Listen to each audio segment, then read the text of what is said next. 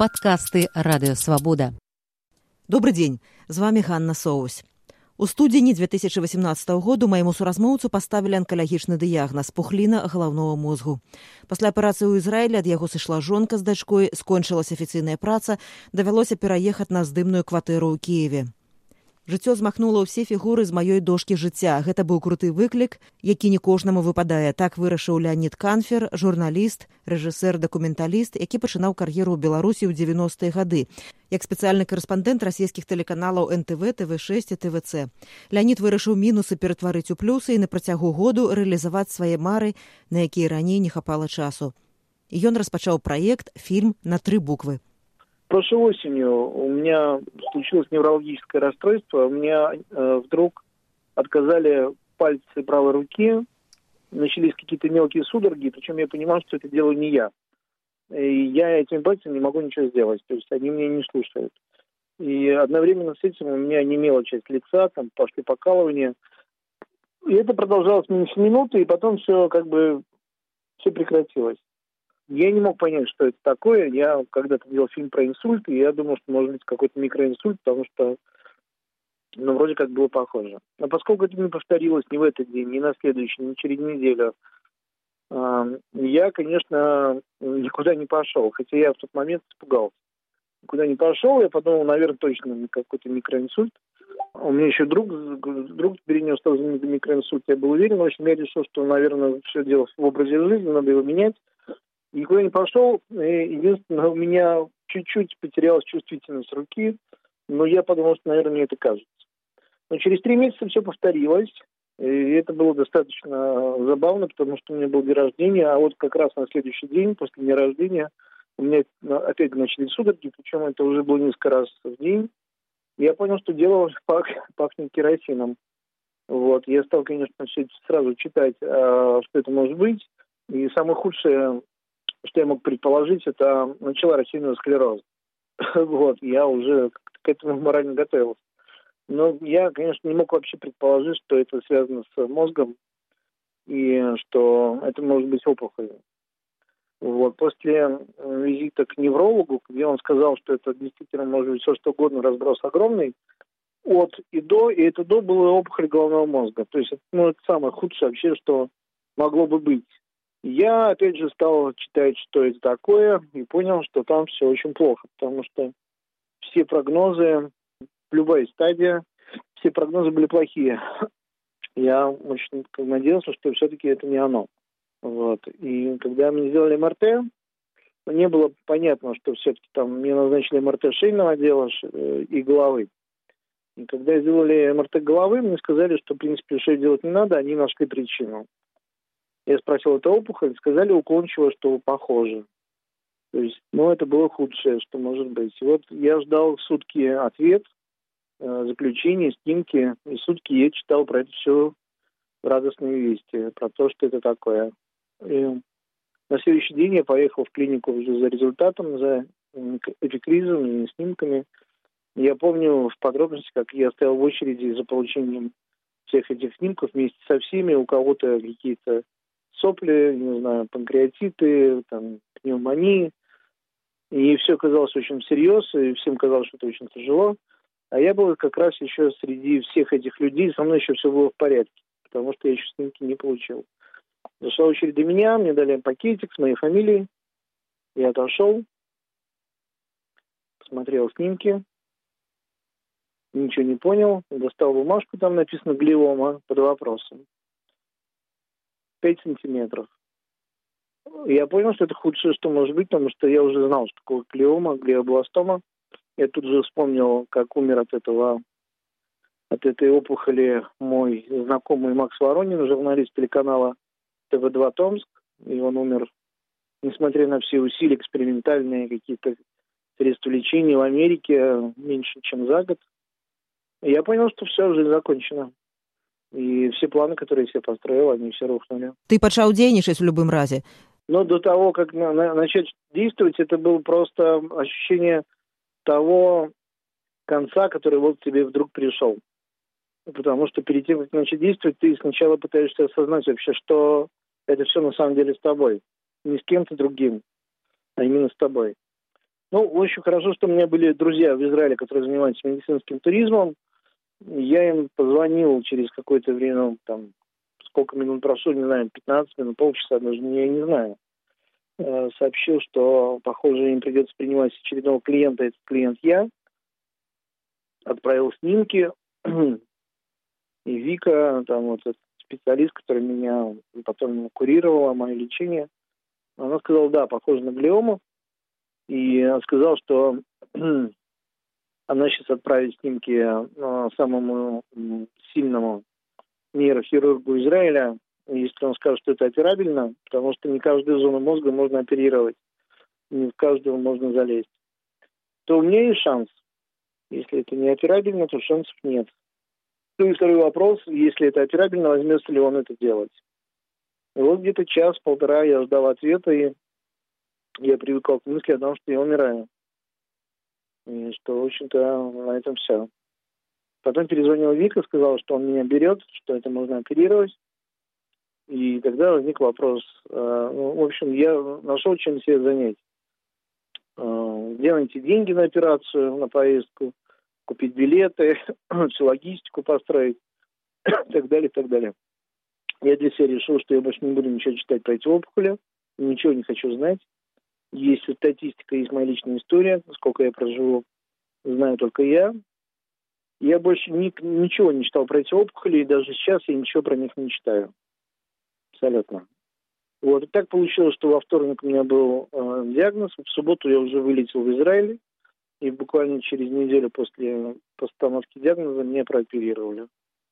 Оперировали меня, я был в сознании, то есть меня разбудили во время операции, со мной разговаривали в тот момент, когда мне вырезали мозг.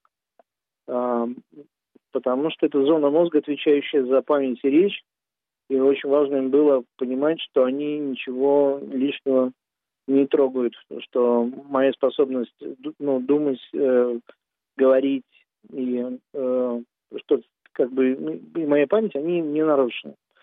Вот я помню эти ужасные ощущения, когда ну, они на самом деле не ужасные, они достаточно прикольные, забавные. Когда что-то происходит, ты понимаешь, что в голове там что-то тебе делают, ты в этот момент разговариваешь с нейропсихологом и рассказываешь им свою жизнь. Я достаточно быстро встал на ноги. Я уже через 3-4 дня, как выписался, ходил по 10 километров пешком. Понятно, что первое ощущение – это эйфория. Наверное, все онкобольные могут сказать после такой, ну, какой-то такой операции серьезной, что как будто бы им подарили шанс на вторую жизнь. И мой друг, вот, а, который меня тоже курировал, а, он сказал, Канфер, а, ты уже умер, считай, ты уже свое прожил. То есть кому-то отмерено больше, кому-то меньше. Вот тебе вот столько. Значит, твой безлимит жизни закончен. Теперь ты свою карту жизни пополняешь от МРТ до МРТ. Подумай, у тебя бонус. У тебя жизнь дала бонус. Подумай, на что ты его потратишь. Вот, и это главный вопрос, которым я сейчас живу, на который пытаюсь ответить, на что я трачу бонус своей жизни, собираюсь потратить. Ну, ощущение эйфории, оно, конечно, очень сильное, очень важно, но так или иначе оно все равно проходит. Ты не можешь радоваться э, любому проявлению жизни, туману, дождю, снегу, холоду, и как и равно, как и солнце, постоянно. Ты просто будешь идиотом. Нужно понять какой-то смысл в этой жизни. Я для себя решил, что если раньше для меня, наверное, первичнее всего была работа, моя реализация, я свою жизнь как бы мерил от фильма до фильма, там, от репортажа до репортажа, и многие куски своей жизни могу вспомнить по моим командировкам, потому как я делал тот или иной сюжет, то я понял, что самое важное, на самом деле, банально. Самое важное – это близкие люди, это твоя семья, потому что ты не думаешь ни о каких своих профессиональных наградах, там, тейсе, там, званиях э, и фильмах, а думаешь о тех людях, людях, которые с тобой рядом, которые для тебя важны. Ну, я думаю, что, опять же, это банально, потому что любой человек начинает осознавать, что для него на этом этапе жизни важны вот эти вещи. И я не могу сказать, что не важны там моя реализация, фильмы и так далее Тоже важны, но они были важны до какого-то момента. Потом происходит переоценка, естественно. Ага, Лёня, вот я хотела некалькі рэчаў дакладніць колькі зараз тебе гадоў 9 января исполнилось 45 и 10 января у меня вот началась вот эта вся фигня А калі ты паставіў вот, вот эту мэту такую вялікую на працягу году реалізаваць все свои мары это вот калі пры, прыйшло гэта рашэнне і што з іх уже зроблена ну, дело, дело в том дело в том что ты так или иначе там когда у тебя такой случается в жизни вызов ты задумываешься о том ну как бы подводишь какие-то итоги без ну, без вариантов Поскольку я всю жизнь занимался журналистикой, это то, чем я жил, я, конечно, стал задумываться о том, а, собственно, что, ну вот, каков итог моей работы. Я стал думать о том, что стало с нами, с поколением журналистов 40-летних, там, 40 плюс, кто застал еще перестройку, э, свободы какие-то, и кто сейчас стал свидетелем того, как эти свободы сворачиваются. Вот тех странах, где я живу, работал, это Беларусь, это Россия, сейчас Украина – я решил делать фильм, э, который назвал на три буквы о том, о, о, о том, что стало с нами, вот поколением журналистов 40-летних и с нашей профессией. И пришел к, ну, неутешительному выводу, что э, наша профессия журналиста, она мутирует так же, как моя опухоль, в пропаганду. Да? То есть опухоль – это мутация клеток. Вот профессия журналиста, она мутирует в пропаганду, и пропаганда – это такая же опухоль на самом деле. Поэтому мне когда спрашивали, какая связь между журналистикой и твоей историей онкологии, я говорю, очень простая. Потому что, потому что это тоже опухоль. А, ложь приводит к пропаганде, пропаганда приводит к войне, война приводит к Аушвицу. Все, все достаточно просто. Я решил снимать фильм и снимать э, от первого лица. То есть я, собственно, впервые главный герой этого фильма и, и автор этого фильма. И я снимаю его через тех людей, с которыми я разное время э, работал, и что, собственно, вот с нами стало в Беларуси, в России. Некоторые мои друзья, бывшие, они стали работать на пропаганду, многие ушли из профессии, от кого-то профессия ушла.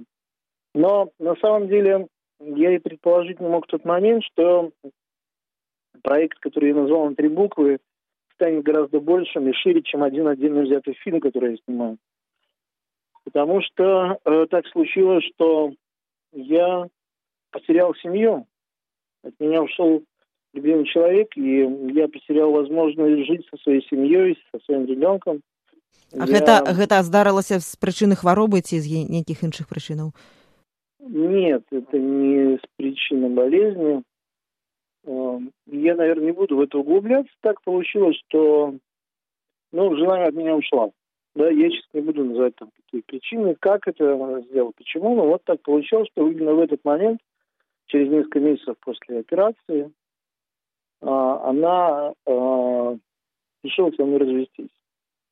Вот. И, ну, как бы я остался совершенно один на съемном жилье. Так получилось, что и официальная работа, где я работал, она тоже закончилась. И достаточно сложная была ситуация. Я был в глубокой депрессии, потому что лишился всего. И здоровья, и работы, и стабильности в виде какого-то дохода постоянного, и семьи там, и так далее. Это к вопросу вот о том, как родился проект на каждый день, как за год прожить жизнь. Да? И я решил, что на самом деле это не минусы, это плюсы, потому что я, конечно, не верил там ни в какие э, метафизические вещи. Короче, ни во что не верил. Но тут как бы пришлось поверить, что жизнь смахнула все фигуры с моей доски жизни и сказала, все, вот чистое поле, начинаем снова с нуля. Я подумал, что это крутой вызов, э, который не каждому выпадает. Вот. И э, я сказал, окей, хорошо, если мы начинаем с нуля, значит, э, я попытаюсь за короткое время добиться того, чего я, в принципе, хотел. Э, это, может быть, для кого-то вещи смешные, на самом деле, но для меня это все равно некая мотивация просто жить. Э, вот и все. Э, дело не в том, что я отожмусь сто раз, или дело не в том, что я сяду на шпагат или переплыву Днепр или нет. Дело в том, что это просто мысли о жизни, а не о смерти. Я не знаю, сколько там мне осталось, потому что мне вырезали не всю опухоль, мне часть опухоли осталась в неоперабельной зоне, и она в какой-то момент так или иначе начнет расти.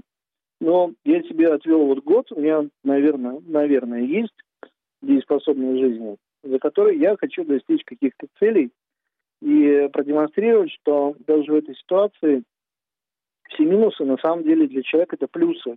Чем тяжелее, тем интереснее. Да? Тебе бросили вызов, ты его принял и должен доказать обратное. Ты должен очень сильно разозлиться э, на жизнь за то, что она тебя все отняла, и доказать, что ты на самом деле можешь и стоить чего-то большего, и ты можешь построить все да буквально за год. Собственно, я пытаюсь доказать себе, но поскольку я провел несколько таких паблик-талков, э, ну, мотивирующих, наверное, лекций, можно так сказать, и многим людям, как бы, я видел, что их заряжаю своим таким оптимизмом, я понял, что для многих людей это важно. И не только для тех, кто болеет, а для тех, кто, в принципе, живет как-то по течению, не, не видит никаких смыслов, ищет для себя какие-то мотивации, не находит их. И для них, наверное, будет важно следить за человеком в сетях, который, несмотря на все, что он потерял, пытаецца все адстроіць заново. Лёня ну вот я сачу вот якраз все все все что с тобой адбываецца вельмі уважліва сачу і таксама так перажываю за цябе калі гэта все чытаю но вот у беларусі людзі неахвотна гавораць про тое што яны атрымалі анкалагічны дыягназ вот ты сваю бітву сваё змаганне з анкалогіяй зрабіў публічнай. Што гэта цябе даеце так лягчэй і вот ці разумееш ты тых хто у беларусі таких вельмі шмат людзей вядомых хто маўчыць про гэта ну я понимаю что я в меньшинстве да потому что всегда есть выбор либо ты говоришь про это либо молчишь большинство предпочитает молчать хотя онкология это совершенно не сифилис и я, я ж не вел какой-то разгульный образ жизни чтобы получить такой диагноз почему для меня это важно почему я об этом заговорил Ну, наверное, есть в этом психологический момент, потому что когда ты это проговариваешь, и особенно снимаешь фильм, где ты сам главный герой, это такой психологический момент, когда вроде бы это все на все на это смотришь со стороны, и вроде бы как, как бы это происходит не с тобой. И ты занят уже драматургией фильма, не переживанием того, какие снимки получатся там и так далее. В этом есть, конечно, момент. Второе, но Э, конечно, ты э, хочешь научиться любить жизнь так, как ты ее не, не любил раньше. И этим с кем-то делиться. И вообще, конечно, но тут, наверное, журналист играет какую-то роль, у которого есть потребность делиться тем, что для него важно. Вот в данный момент для меня оказалась важна моя онкология. Да? Но я же говорю не только про онкологию, я говорю, что для меня важно вот то, что стало с нашей профессией. Да, я об этом тоже говорю. Онкология лишь ну, такой драматическая, драматичная составляющая всей этой истории. А, я говорю о том, что важно. Мне есть потребность этим делиться. Если я вижу, что еще этим людей как-то мотивирую, ну почему нет? Ну, я не вижу в этом ничего плохого. Вот. И, ну да, это доказать себе, в том числе, когда ты объявляешь публично, что сейчас тут э, будешь достигать каких-то целей, это значит, ну все, ты не имеешь права уже отступать назад. Ты, может быть, хочешь дать слабину и откатать все обратно и сказать, да нет, я, пожалуй, тут отлежусь, будет как будет. Но очень известные люди вписали свои репутации, э, участвуя в флешмобе, в мою поддержку. И если я сейчас скажу, что я все это делать не буду, то значит, они просто так прокука... прокукарекали, сделали какой-то пиар и больше ничего. Я хочу доказать всем и себе, и всем, что это не приговор, но что жизнь, э, она не только измеряется количеством прожитых лет, она измеряется качеством. Я могу прожить э, год, но я могу прожить год так, как многие 10 лет не проживут. И получить такие эмоции, такие ощущения в жизни, которые никто никогда не почувствует, не, не поймет. Поэтому очень важно людям понимать, что дело не продолжительности жизни, дело в качестве жизни, что время это тот самый важный ресурс, который э, не стоит никогда не пренебрегать. Потому что мы можем говорить, что там через неделю, через месяц я вот начну новую жизнь. Нет этой недели. Надо начинать прямо сейчас, даже не сегодня, не завтра. Вот прямо, прямо сейчас. Скажи, калі ласка, а вот якая ты ты сказаў што і з працай у тебя якраз на той момант э, калі вот это все здарылася стала горш і э, сям'і ў цябе ну як бы яна ёсць але дачка ёсць але вы разам не жывеце якая дапамога якая вот падтрымка табе патрэбная і ці ёсць яна цяпер вот паколькі ну, вельмі шмат людзей ведаюць пра тваю твой дыягназ і я вот бачу у сацыяльных сетках вельмі шмат каментараў а ці ёсць рэальная дапамога ці патрэбная на табе ну во-первых я сам кому хочешь помогу я не скажу что она мне прям нужна. Мне не нужно чтобы меня жалели понимаешь? Вот когда тебя начинают жалеть и говорят держись я это ненавижу потому что это значит они тебе косвенно дают понять что с тобой все очень плохо. Почему для меня важно было чтобы со мной поехала моя дочь на операцию, которая была 4 года в тот момент, она вообще понятия не имеет, что такое рак. Понятия не имеет, что вот у папы рука после операции, э, она ограничена в э, движениях, потому что зону мозга, отвечающую за эту руку, вырезали. Э, она говорила, давай, пап, мне на плечи, носи, там, держи, хватай вот, и так далее. Она ко мне относилась как обычный нормальный человек, как просто папе. Поэтому люди, которые мне дают понять, что со мной все плохо, да, я их как бы э, пытаюсь от жизни свою отстранить, удалить на какое-то расстояние. Мне не нужны такие люди, мне, мне нужна поддержка вот такого рода. Мне нужны люди, которые просто меня любят и которым со мной интересно, в принципе, как Лене Канцеру, а не человеком, который очень нуждается в том, чтобы ее пришли, гладили по головке или по коленке. Тогда я понимаю, что со мной действительно все плохо. Вот. А со мной люди общаются, они говорят, что наоборот болезнь мне пошла на пользу, что я стал по-другому относиться к жизни, по-другому выглядеть. Ну, им просто со мной интересно, я их как-то пытаюсь, я не специально, но как-то их заряжаю, мотивирую. И нам интересно друг с другом. Вот в этом поддержка и состоит. Поддержка в том, что мы нам с друг другом просто хорошо. А батьки у Беларуси находятся зараз? А, мама находится в Минске, да. Папа у меня умер очень давно, в 99 году в Израиле.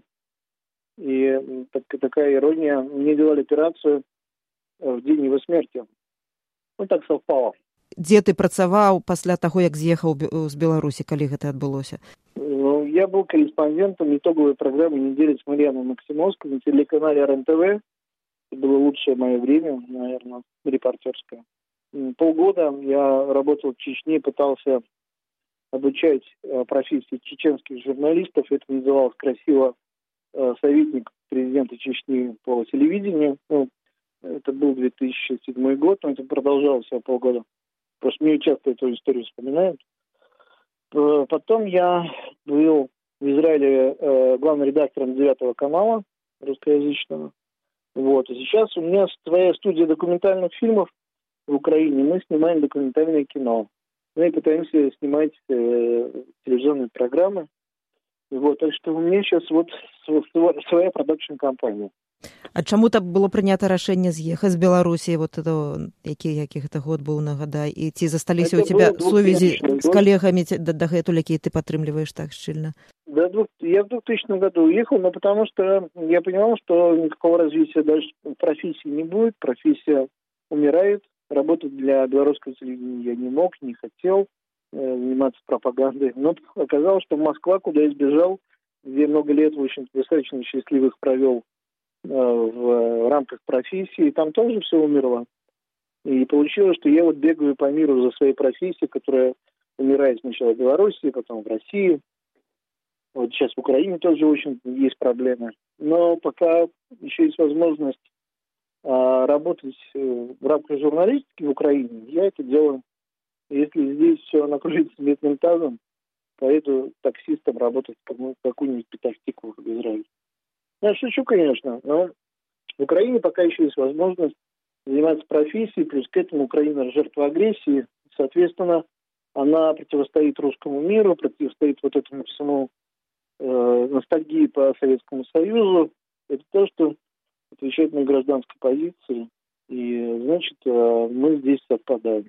У меня есть возможность дальше работать. Что ты запланованного зрабіў уже и что наперадзе вот так ну там есть чисто такие цели на публику можно сказать ну как на публику ну те которые как бы публика больше всего оценивает там да значит сесть на поперечный шпагат да там я не плавать вот переплыть Днепр следующим летом э, на велосипеде там э, за сутки доехать от Киева до Львова, это 500 километров. А, Все пока в процессе. Э, Пробежать марафонский бег, марафонскую дистанцию 42. Я вот пока уже бегаю 10 километров. Полумарафон я должен выйти на полумарафон где-то к весне. Отжимаюсь из 100 пока 50 раз. Но вот у меня цель э, за год сдать 15 фильмов. Да, вот наш продакшн, ну как бы я сам автор, должен сдать 15 фильмов. Один фильм мы уже сдали, сейчас в производстве еще 8, 8 картин, и 7 из них должны быть готовы к апрелю. Ну, там была цель создать центр документального кино, то есть это и, и школу документалистов, и некую площадку, э, наверное, может быть, в интернете документального кино, либо большое производство для украинских, ну, не только, может, для украинских телеканалов. Центр мы уже открыли, он уже работает, производство уже э, идет во всем. Вот байкером, опять же, решил стать, значит, для этого обязательно нужны татухи. Я вот одну уже набил, вторая на очереди. Дальше покупка Харлея, где-нибудь весной к лету. И на Харлеях вот с одной из героинь моего фильма мы должны поехать э, на какой-нибудь байкфест.